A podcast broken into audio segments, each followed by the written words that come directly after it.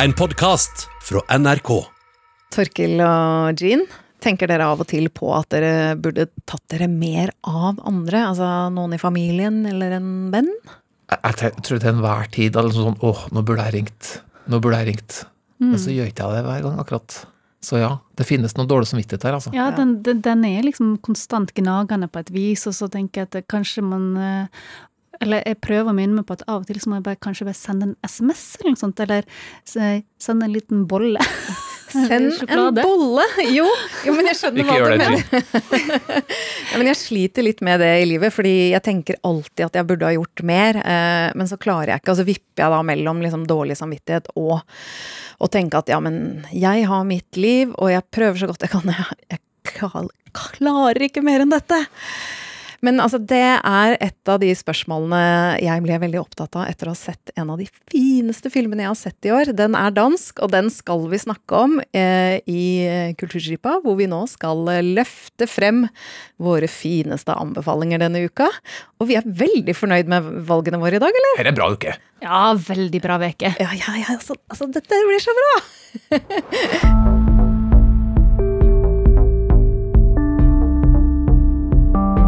Jean, du har med en dokumentar som jeg vet at du har ventet så utrolig lenge på. Ja, så Først så må jeg bare spørre dere. Hva er det første som detter i hodet deres hvis jeg sier navnet Imelda Marcos? Sko. Sko!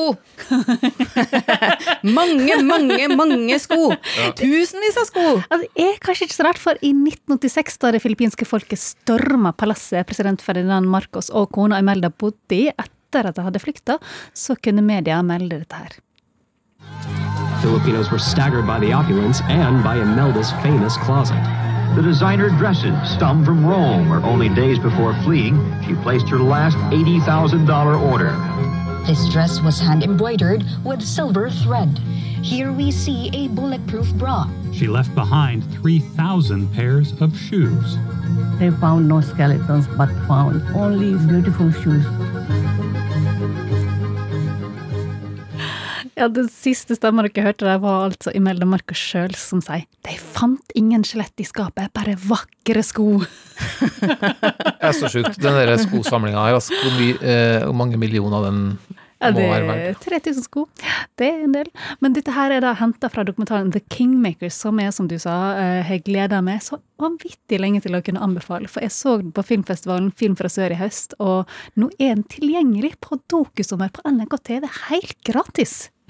Og dokumentaren er da et vanvittig bra portrett på Imelda Marcos, og den viser både stormannsgalskap, korrupsjon, maktmisbruk og ikke minst helt fantastisk mangel på sjølinnsikt.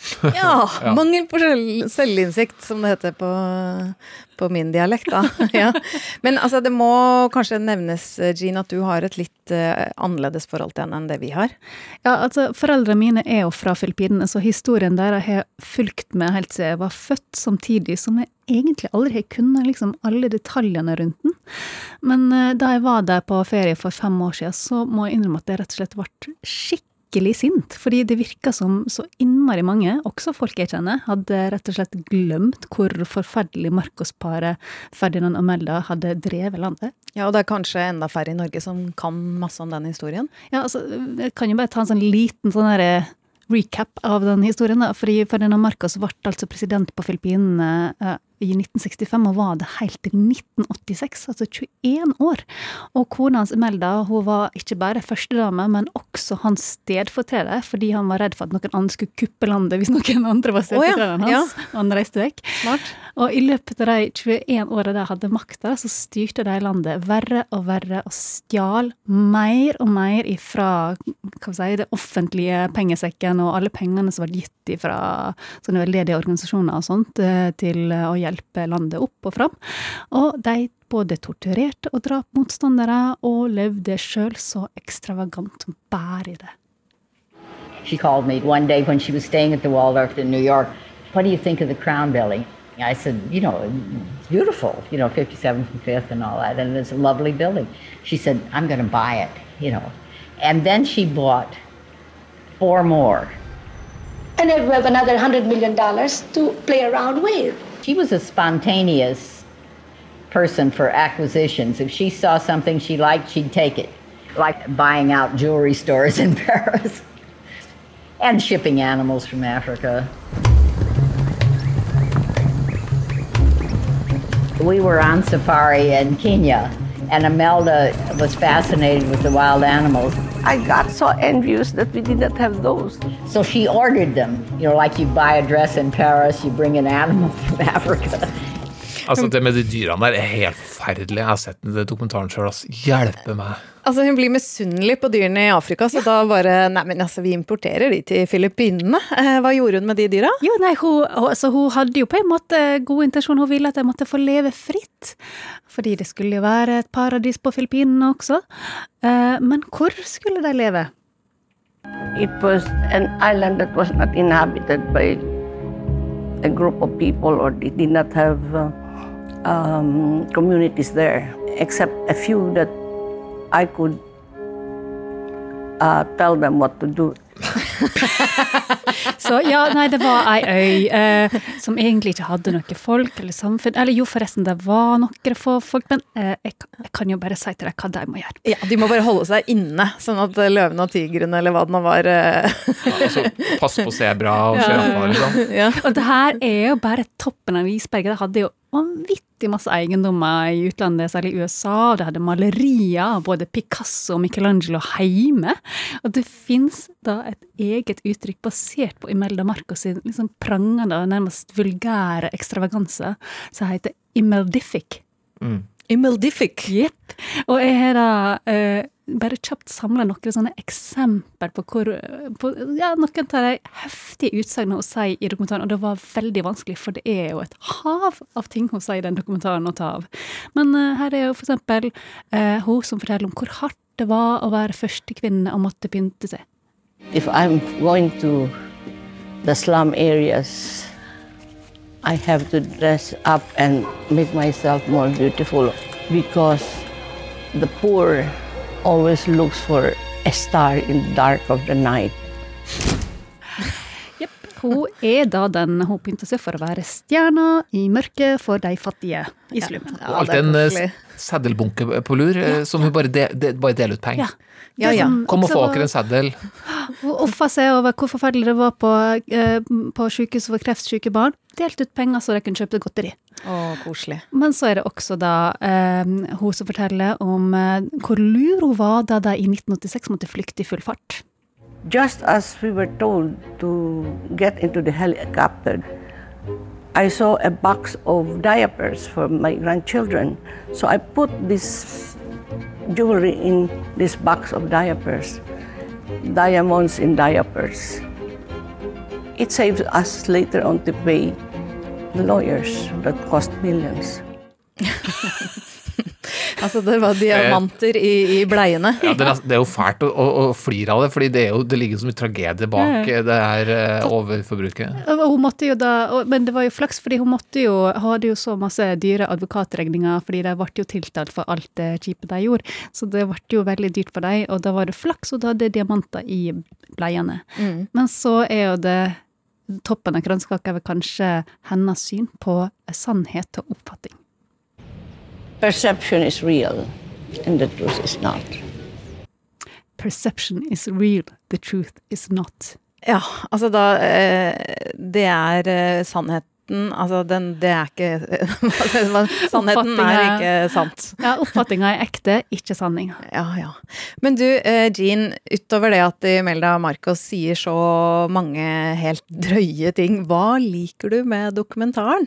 Altså, Lauren Greenfield, som er regissøren bak den, hun har laga og dokumentaren. Hun er jo rett og slett en helt fantastisk historieforteller, både med tanke på oppbygging, men også hva bildet som stadig liksom blir vist med tanke på hva som blir sagt.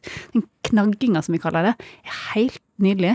Og så hele dokumentaren begynner nesten litt sånn komisk på grunn av hvor lite bakkekontakt Imelda Marcos virker å ha, men så skrur den seg over til å egentlig bli skumlere og skumlere med tanke på hvor mye folk på Filippinene har glemt av diktatortida, og ikke minst hvor mye makt hun dessverre fortsatt har i dag, nå når hun både er politiker sjøl og pusher sin egen sånn bong-bong til å bli president, og sist, men ikke minst, hvordan Marcos-familien sin makt også er viktig med tanke på Duterte, han forferdelige egentlig presidenten som er der i dag.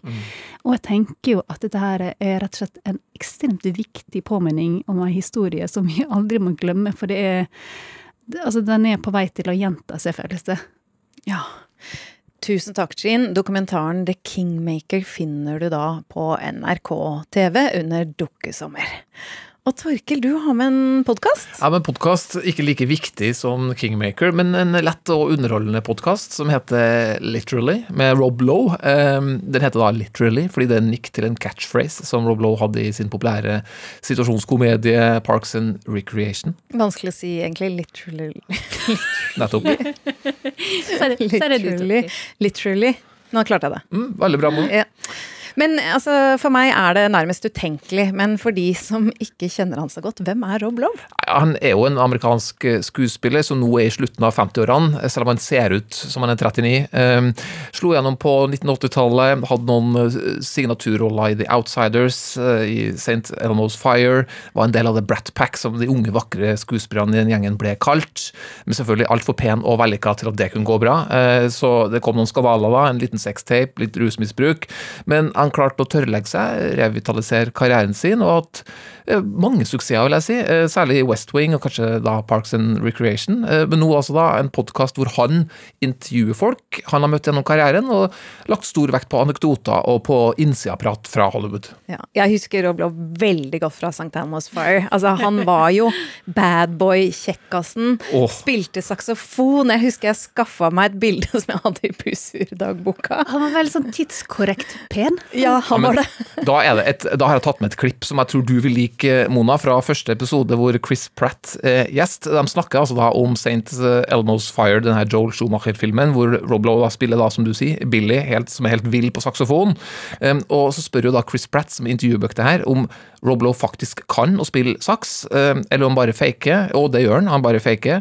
Um, men så forteller Rob Lowe om at han havna midt oppi en sånn veldedighetsarrangement med mange prominente folk til stede, blant annet Bill Clinton, eh, som er glad i saksofon, og eh, Rob Lowe er der, og også da komponisten David Foster, han som har laga musikken i St. Elmo's Fire. Og han får da Rob Lowe til, til å dra den berømte sakssoloen i showet foran alle publikummerne. Bare det at han ikke spiller på ekte, selvfølgelig, men det tror jo publikum at han gjør. La oss høre videre. But I got up there and started blowing, and everybody was going fucking ape and thought clearly thought it was real. And then my actor's ego got involved, and then I couldn't give up, and then I just doubled down on it. Dude. And and then I looked out, and there was President Clinton, and and he was and he was going like, yeah, fucking yeah, woo! He was losing his shit. Oh, at that point, now if you give it up, And- then you, then you're in and trouble. now if You I give it up. I feel like right. So I was all flipped out about it, and I thought, well, it, it'll let bygones be bygones. Nobody will care. Remember. And two weeks later, I got a handwritten note from President Clinton asking me to come to Washington to do a saxophone duet with him. because he really plays the saxophone.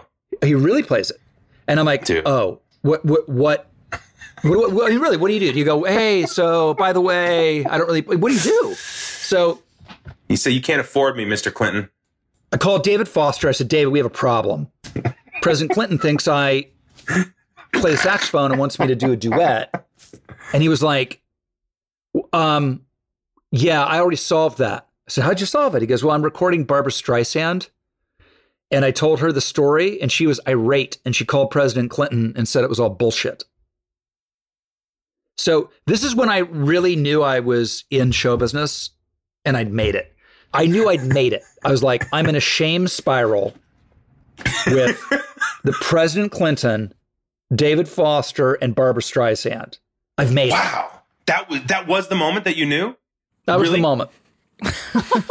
Helt fantastisk! Ja, det er ganske, ganske flaut å bli tatt for å være så god på saksofon av sjølveste Bill Clinton. Å bli outa av Barbara Streisand. Men likevel se liksom gull, i det. Ja, ja, ja. Da har du liksom Men eh, podkasten med navnet Eh, literally, med Ja. Rob Lowe. Ja, Ja. Hva er det du liker med den? Nei, Det er jo de her anekdotene, rett og slett. For det er rett fra dem som har opplevd det. Rob Lowe har jo vært midt i Hollywood-smørøyet siden starten av 1980-tallet, og har da hatt så mange ville anekdoter om Sinatra og Cary Grant og alle du kan tenke deg, at det er veldig underholdende for oss som er interessert i sånt. Og gjestene han har med, har jo også eh, levd det her livet. Som Chris Pratt, som vi hørte litt her, han forteller en, en, eh, om en innsikt han fikk av sitt eh, idol, idol Jim Carrey, da Chris sjøl var på vei til å bli ordentlig kjent. he was like, you know, one thing that's that you'll see that's strange is that you've become a wonder of the world. And he said, which means you can no longer visit the wonders of the world. He was like, I was in Machu Picchu and I've never felt worse because I got there and everyone turned their cameras on me. And so I stood there in front of something that I just wanted to be in I just wanted to be in awe of this thing and it was distracted by other people being in awe of me in the presence of this great thing. Åh. Oh. Det er fælt å være kjendis. Men det var jo litt sårt, da. Ja, det, var, det er jo litt sårt, selvfølgelig, men det her er jo folk som lever i en boble. så For meg så er det jo underholdende å høre på. Men det, det, det Ja, ikke sant. Det, Ja. det, er ikke det er ikke veldig viktig, men det er veldig underholdende å høre på. Ja, og Hvilke gjester er det som kommer på denne podkasten framover? En i uka, det er Magic Johnson, eh, basketlegenden, uka her. Og så kommer Keegan Michael Key, Gwyneth Paltrow, Conan O'Brien og sånne framover, da. Eh, Så det, er- det mye, mye underholdning i Ja. vente framover. Det fins jo en del sånne podkaster, men, men jeg følte at ja, dette her er eh, Det høres ut som gode historier. Ja, det er rett og slett gode historier. Jeg må si jeg gleder meg til den helt siden de snakka om den på Conan O'Brien-podkasten. Ja, han, Rob Lowe er faktisk, han tror det kanskje ikke, men han, han er ganske morsom. Og så har han som sagt, han er ganske god til å fortelle sånne morsomme anekdoter fra eget liv.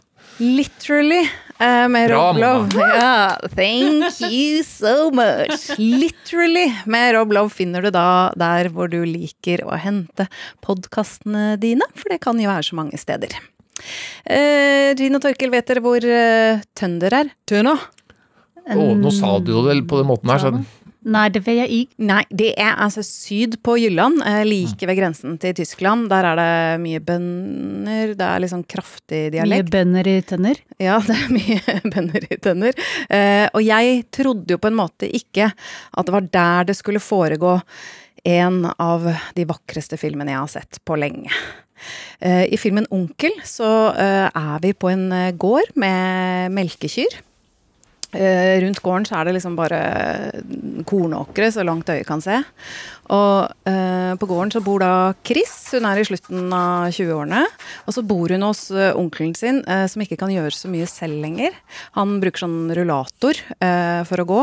Og hver morgen så vekker hun eh, onkel, finner fram sokker, trer på han de på beina. Eh, Bukse, genser, så er det å lage frokost. Og da eh, spiser hun yoghurt med musli. Hun eh, rister eh, rundstykket til han. Så har de på nyhetene på TV-en på kjøkkenet. Hun les, løser litt sånn sudoku. Og så er det liksom ut i fjøset, møkke. Han kommer ut i fjøset med, med gåstolen med fôret. Så er det melking, Chris lager middag. Så spiller de Scrabble på kvelden, hvor de finner ord. Men de sier ingenting. Altså Det vi hører i bakgrunnen, det er liksom fra eh, de første 8 minuttene og 45 sekundene hvor ingenting blir sagt. Altså det er på en måte nesten stumfilm. Hvordan har dere det med film nesten uten replikker? Vanligvis så foretrekker jeg jo eh, replikker nesten som en instrumental låt. Jeg er mer glad i vokal. Så, så ja, nei, jeg, men jeg blir jo nysgjerrig når du, når du er så positiv, da. Det jeg tenker at det er veldig avhengig av bilder. Altså Hvis det er skikkelig fascinerende bilder, så kan det egentlig være tilbøyelig til å ha ganske lang tid uten snakk. Jeg er nesten litt usikker på hvor fascinerende bildene er, men altså, vi blir dratt inn i et veldig lite liv. Men vi skjønner, eller jeg skjønner, at her ligger det stort drama. Man behøver ikke eh, så mange ting som skjer. Eh, Det er her er det kjerne. For onkelen, man ser jo, han er jo helt avhengig av Chris. Også da for å drive denne gården. Og jeg tenker sånn, shit, for et liv, og liksom den opp oppofrelsen. Hun er en ung jente. Eh, og så skjønner man etter hvert at hun også er avhengig av han. Og hun kjefter litt på han. og Sånn, men de tuller liksom, man skjønner at det er kjærlighet også. Og så kommer det første ordet, eh, da etter 8 minutter og 45 sekunder. Du tok og, det. ja, og de er da i butikken på ukeshandel. Hør nøye etter.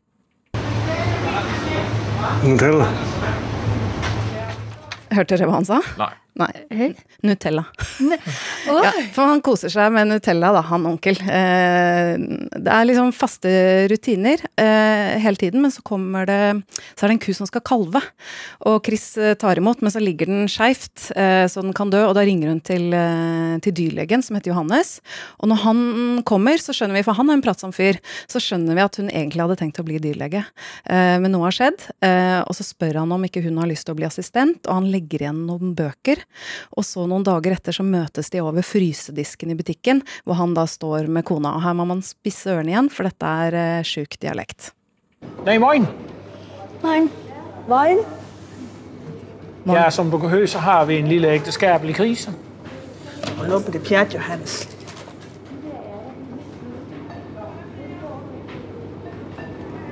Hvordan går det? Fint. Jeg har løst de bøger, jeg fikk. ved det. Øhm, og lige komme til vaginalprolaps. Ah, sådan en skal jeg ud til i morgen. Det kan være, du har lyst til at komme med igen. Jeg skal være uge øh, halv tolv. Og så kommer jeg alligevel forbi hen ved jer der ved 20 minutter over 11. Hvis du kunne tænke dig at komme med, så kan du bare stille ud til vej. Så øh, det kan være, vi ses i morgen så. Ja, altså hun har lest i disse veterinærbøkene, har kommet til vaginalprolaps. Og han sier ja, men jeg skal ut til en ku i morgen med vaginalprolaps, vil du være med? Du kan stelle deg ut med veien. Og her, altså nå liksom skjønner man at det lille møtet, det kan sette noe stort i gang. Eh, for eh, Chris og onkel, når de sitter og ser på TV på kvelden, eh, og ser gamle danske TV-serier, så sier Chris dette. Jeg er lige væk øh, i morgen omkring frokost. Nå. Jamen, hvad skal du da? Johannes han kommer og henter meg. vi skulle jo se en ko med vaginalprolaps.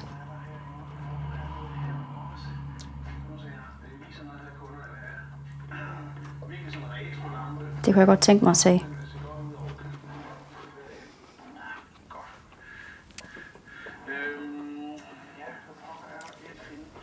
Altså, jeg kan gøre en annen dag. Altså, det behøver ikke være i morgen. Det er ikke så viktig. Jamen, det skal du... det skal du være se ved. Kan du ikke sitte opp når du skal spise? Hva? Kan du ikke sitte opp når du skal spise, for galt i halsæsen? Ja, du får det i halsen når du ligger og spiser, sier hun på slutten der. Men altså, hun forteller da at hun at uh, veterinærene har sagt at hun kan være med å se vaginalprolaps, og det skulle hun gjerne ha sett. Og det er, altså på det tidspunktet så er det sånn at jeg må gråte av det, for det er altså så stort. Det er livets uh, drama. Jeg vil egentlig ikke si noe mer om handlingen, det er jo selvfølgelig noen ting som skjer. Men jeg tenker at onkel, det handler om omsorg, å være der for noen. Det er plikt og lyst og lojal lojalitet, og samtidig så er det også da et spørsmål når er det, eller blir det viktigere å ta vare på seg selv? Og hva er det man trenger i livet sitt? Mm. Det er sånne ting som man kan grunne over, vel. Ja, det høres eh, det ut som et veldig bra manus, fordi Ja. liksom her er det, det, det er hverdag, men allikevel så er det så mye drama. Hvis du klarer å få fram det i, et- i et sånt hverdagslig på den måten her, så er det utrolig sterkt. Ja, og det, det oppleves så autentisk, fordi at eh, regissør Frelle Pettersen, han har da bodd på denne gården i over et halvt år. Dette visste ikke jeg da jeg så filmen, dette har jeg bare lest meg til etterpå. Eh, men man, man liksom føler at det er ekthet der, da. Og Jette Søndergaard, som spiller Chris, hun er veterinær. eh, og det er hennes onkel Oi. som spiller onkel. Og det er på hans gård med kuene hans eh, hvor alt foregår. Og dette visste jeg ikke. Men altså, alle skuespillerne er da hentet ut fra virkelig miljø. Det er liksom alle er innen 15 km radius og er egentlig ikke skuespillere. Og så er det denne sydiske dialekten som er egentlig helt uforståelig, da, men, men som blir, øh, gjør at det også blir veldig ekte. Og det er veldig uvanlig på dansk film at de bruker dialekt. Så den er selvfølgelig også da tekstet i i, eh, i Danmark. Så det, ja. Så gøy, men det er jo nesten Altså det er jo liksom på nippet til å være dokumentar, da, nesten. Men ikke likevel, Ja, fordi den- det ikke er deres historie. Nei da, og det er ikke det. Og det, den, den har også sånne elementer som Ikke sant, man må le, fordi den, den er også liksom eh, morsom og vond og rørende og, og sterk, og da sånn som jeg tenker på fortsatt. Og nei jo Altså, jeg føler at jeg bare nå egentlig er en stemme i hyllestkoret, fordi Onkel vant publikumsprisen på Kosmorama, fått knallkritikker overalt. Men jeg tenkte Altså, jeg vil jo at enda flere skal se Onkel, så måtte anbefale den eh, nå. Og den går jo da eh, på alle mulige kinoer. Det er dialog etter hvert, altså, du må ikke misforstå meg, men det er bare De er liksom de har få ord. Eh, og så er det heller ikke mye musikk, og det er også litt uvant. Men eh, på et tidspunkt inni der, eh, når noe har snudd, så kommer det nydelig musikk komponert av Flemming Berg, eh, som da eh, har skrevet det til onkel.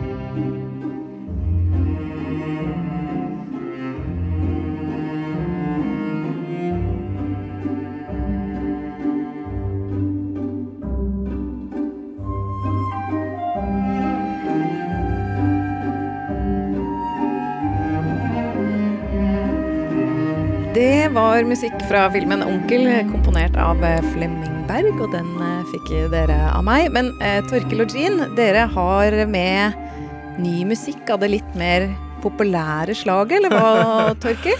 Det er ikke noe tyggispop, det her. Altså. Det er ikke Nei. Noe, nei, eh, det er det ikke. Det, men det er en spennende debutant, det, det, må, det må jeg kunne si. Du som er tyggispopens mann. Ja, nettopp. Du, eh, i dag har jeg med ny musikk av Dalai Lama. Nei. Ja, Jo. det er så gøy! Det er sprøtt, og det vil si ny Kan han Kan han spille? Nei. Nei. Men um, han gir ut Han blir 85 nå om en uke, og gir da ut sitt første album. Uh, det- var så sjukt bare det å være inne på Spotify og finne Dalai Lama der. Da Hvordan måtte jeg sjekke fant du Dalai Lama? Nei, det, det, det, det må jeg ikke spørre om engang. Men uh, da sjekka jeg den fanen for konserter. Eh, og, og det var veldig morsomt. Bare sånn Dalai Lama concerts, og så bare trykk på Nei, ingen konserter i overskuelig framtid i Norge, dessverre. Da hadde vi jo sjekka selvfølgelig det. Uh, men uh, ja, nei, det her er altså da et eh, Det er et al ekte album da, med elleve låter med han. og det var en New newzealender som heter Junel Kunin, som, som, var, som trengte bare noe skikkelig sånn åndelig føde over noe fin musikk, og tok kontakt med Dalai Lama. Fikk først nei, prøvde igjen, fikk ja. Og da sammen med mannen sin, Abe Kunin, har, eh, har kompilert litt musikk, og så hadde han med eh, masse forslag til temaer som han kunne messe over, da. eh, Dalai Lama. Så han har med mange av sine favorittmantraer, og, eh, og altså, også sånne åndelige tankegods som han eh, bruker på det her. Og også på plata må nesten ha med det. Det er en Grammy-vinnende sitarspiller med, og hun Oi. heter Anush Shankar.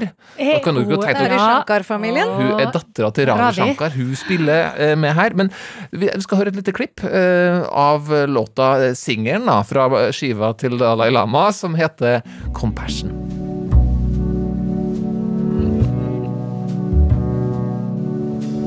Om mani padme hum. Om mani hum.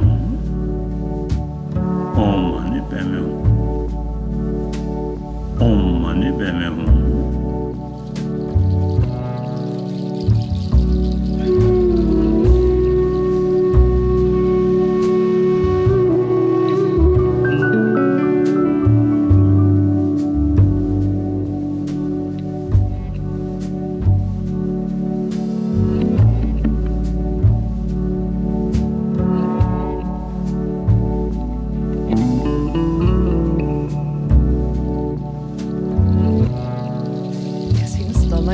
Har noe på gang. Ja, Det er jo det er ikke så verst, det her. Det er veldig Det er akkurat det. Det er litt åndelig føde. Eh, til noe sånn chille Jeg musikk? vet ikke, jeg, jeg, jeg, jeg sliter litt med det, men jeg får veldig sånn her eh, heis-spa-følelse, må jeg innrømme. Men, eh, Nei, nei, nei, nei, du må Sånn. høre mer, for jeg har vært så heldig å høre det. Og jeg, jeg ble sugd inn, jeg. Mm. Men så er jeg kanskje Er jeg åpnere enn deg, Gin? Altså, men du, alle, alle, selvfølgelig, men alle inntekter på det her går selvfølgelig til veldedige organisasjoner. Det er jo fint. Som Dalai Lama er fan av, da, eh, må sies. Mm. Ja, og jeg, jeg har på følelsen også hvis man har- lider av søvnløshet, eller bare Mm. rastløshet, nervøsitet, så kan dette være eh, musikk Og så så du hardt på. Jean. Ja. Rett på Jean, nei. På Jean, ja. I mean, Eller hvis man eh, kanskje sliter litt med å komme inn i feriemodusen, så kan man bare liksom Nemlig. sette seg i en henge... Legge seg i en hengekøye og sette på dette her. Ja, eller bare på gulvet. Bare det å ligge på gulvet er en bra ting som man gjør altfor sjelden. Grattis med dagen, da, da sier noen dager på forskudd. Ja, grattis med dagen. Men eh, Jean, eh, du har da ikke valgt eh, noe så alternativt som vi har valgt eh, denne uka. Nei, nå følte jeg at mitt ble liksom rett og slett litt sånn skittent og Populært. Altfor populært. Ja. For jeg har jo, men jeg kan skylde på at jeg har vært på ferie en hel uke uten internett og høyttaler. Så altså, jeg følte liksom en sånn sult etter et eller annet som var eh, lett og lettfattelig, men annerledes. Og var veldig sånn eh, ble, øh, ja, Spotify klarte å overbevise meg i det de sa. Hør på det her, da! Det er algoritmene som har bestemt for deg, ja? Ja, rett og slett. algoritmevennlig musikk. Ja. Mm. Og, og til motsetning fra Daria Lama så har jeg tatt med meg Dirty Projectors, som jeg føler men faktisk. Altså smuss.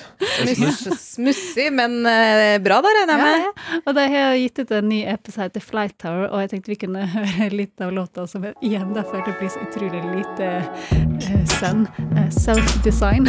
Self-design? Nei, men det kan.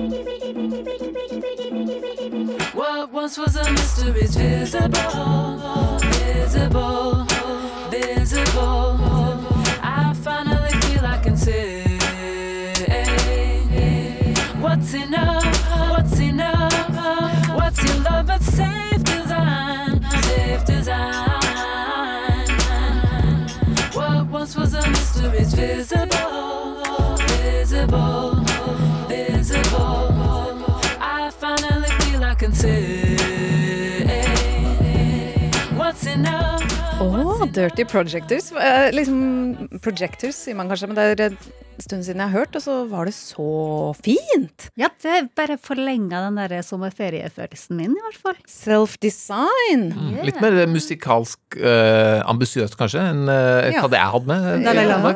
Ja, komplekst. Altså, hadde det ikke vært veldig dumt for Dalai Lama å være ambisiøs? Ja, Han kunne ikke være nybrotts der også. Nei, det blir for mye. Men uh, tusen takk, eh, Jean. Tusen takk, uh, Torkel. Takk til deg som hører på Kulturskipa podkast. Jeg er jo en som lett bruker store ord, så jeg skal liksom ikke si elsker, men jeg kan si at eh, vi liker deg som hører på, veldig godt. Ja, Da tok du i sånn middels, bare. Nei, men vi, vi liker deg veldig godt. Ja, der har vi det.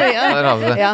Ehm, og hvis du vil, så er det jo sånn at vi også er et radioprogram eh, hver ukedag på NRK P2 fra klokka to, eller reprise klokka sju. Eller så regner jeg med at du er såpass tech-savvy at du finner programmet i NRK-spilleren når du vil. Og så kan du alltid da sende oss en e-post på kulturskipa alfakrøll.nrk.no. God helg! God helg. Du har hørt en podkast fra NRK. Hør flere podkaster og din favorittkanal i appen NRK Radio.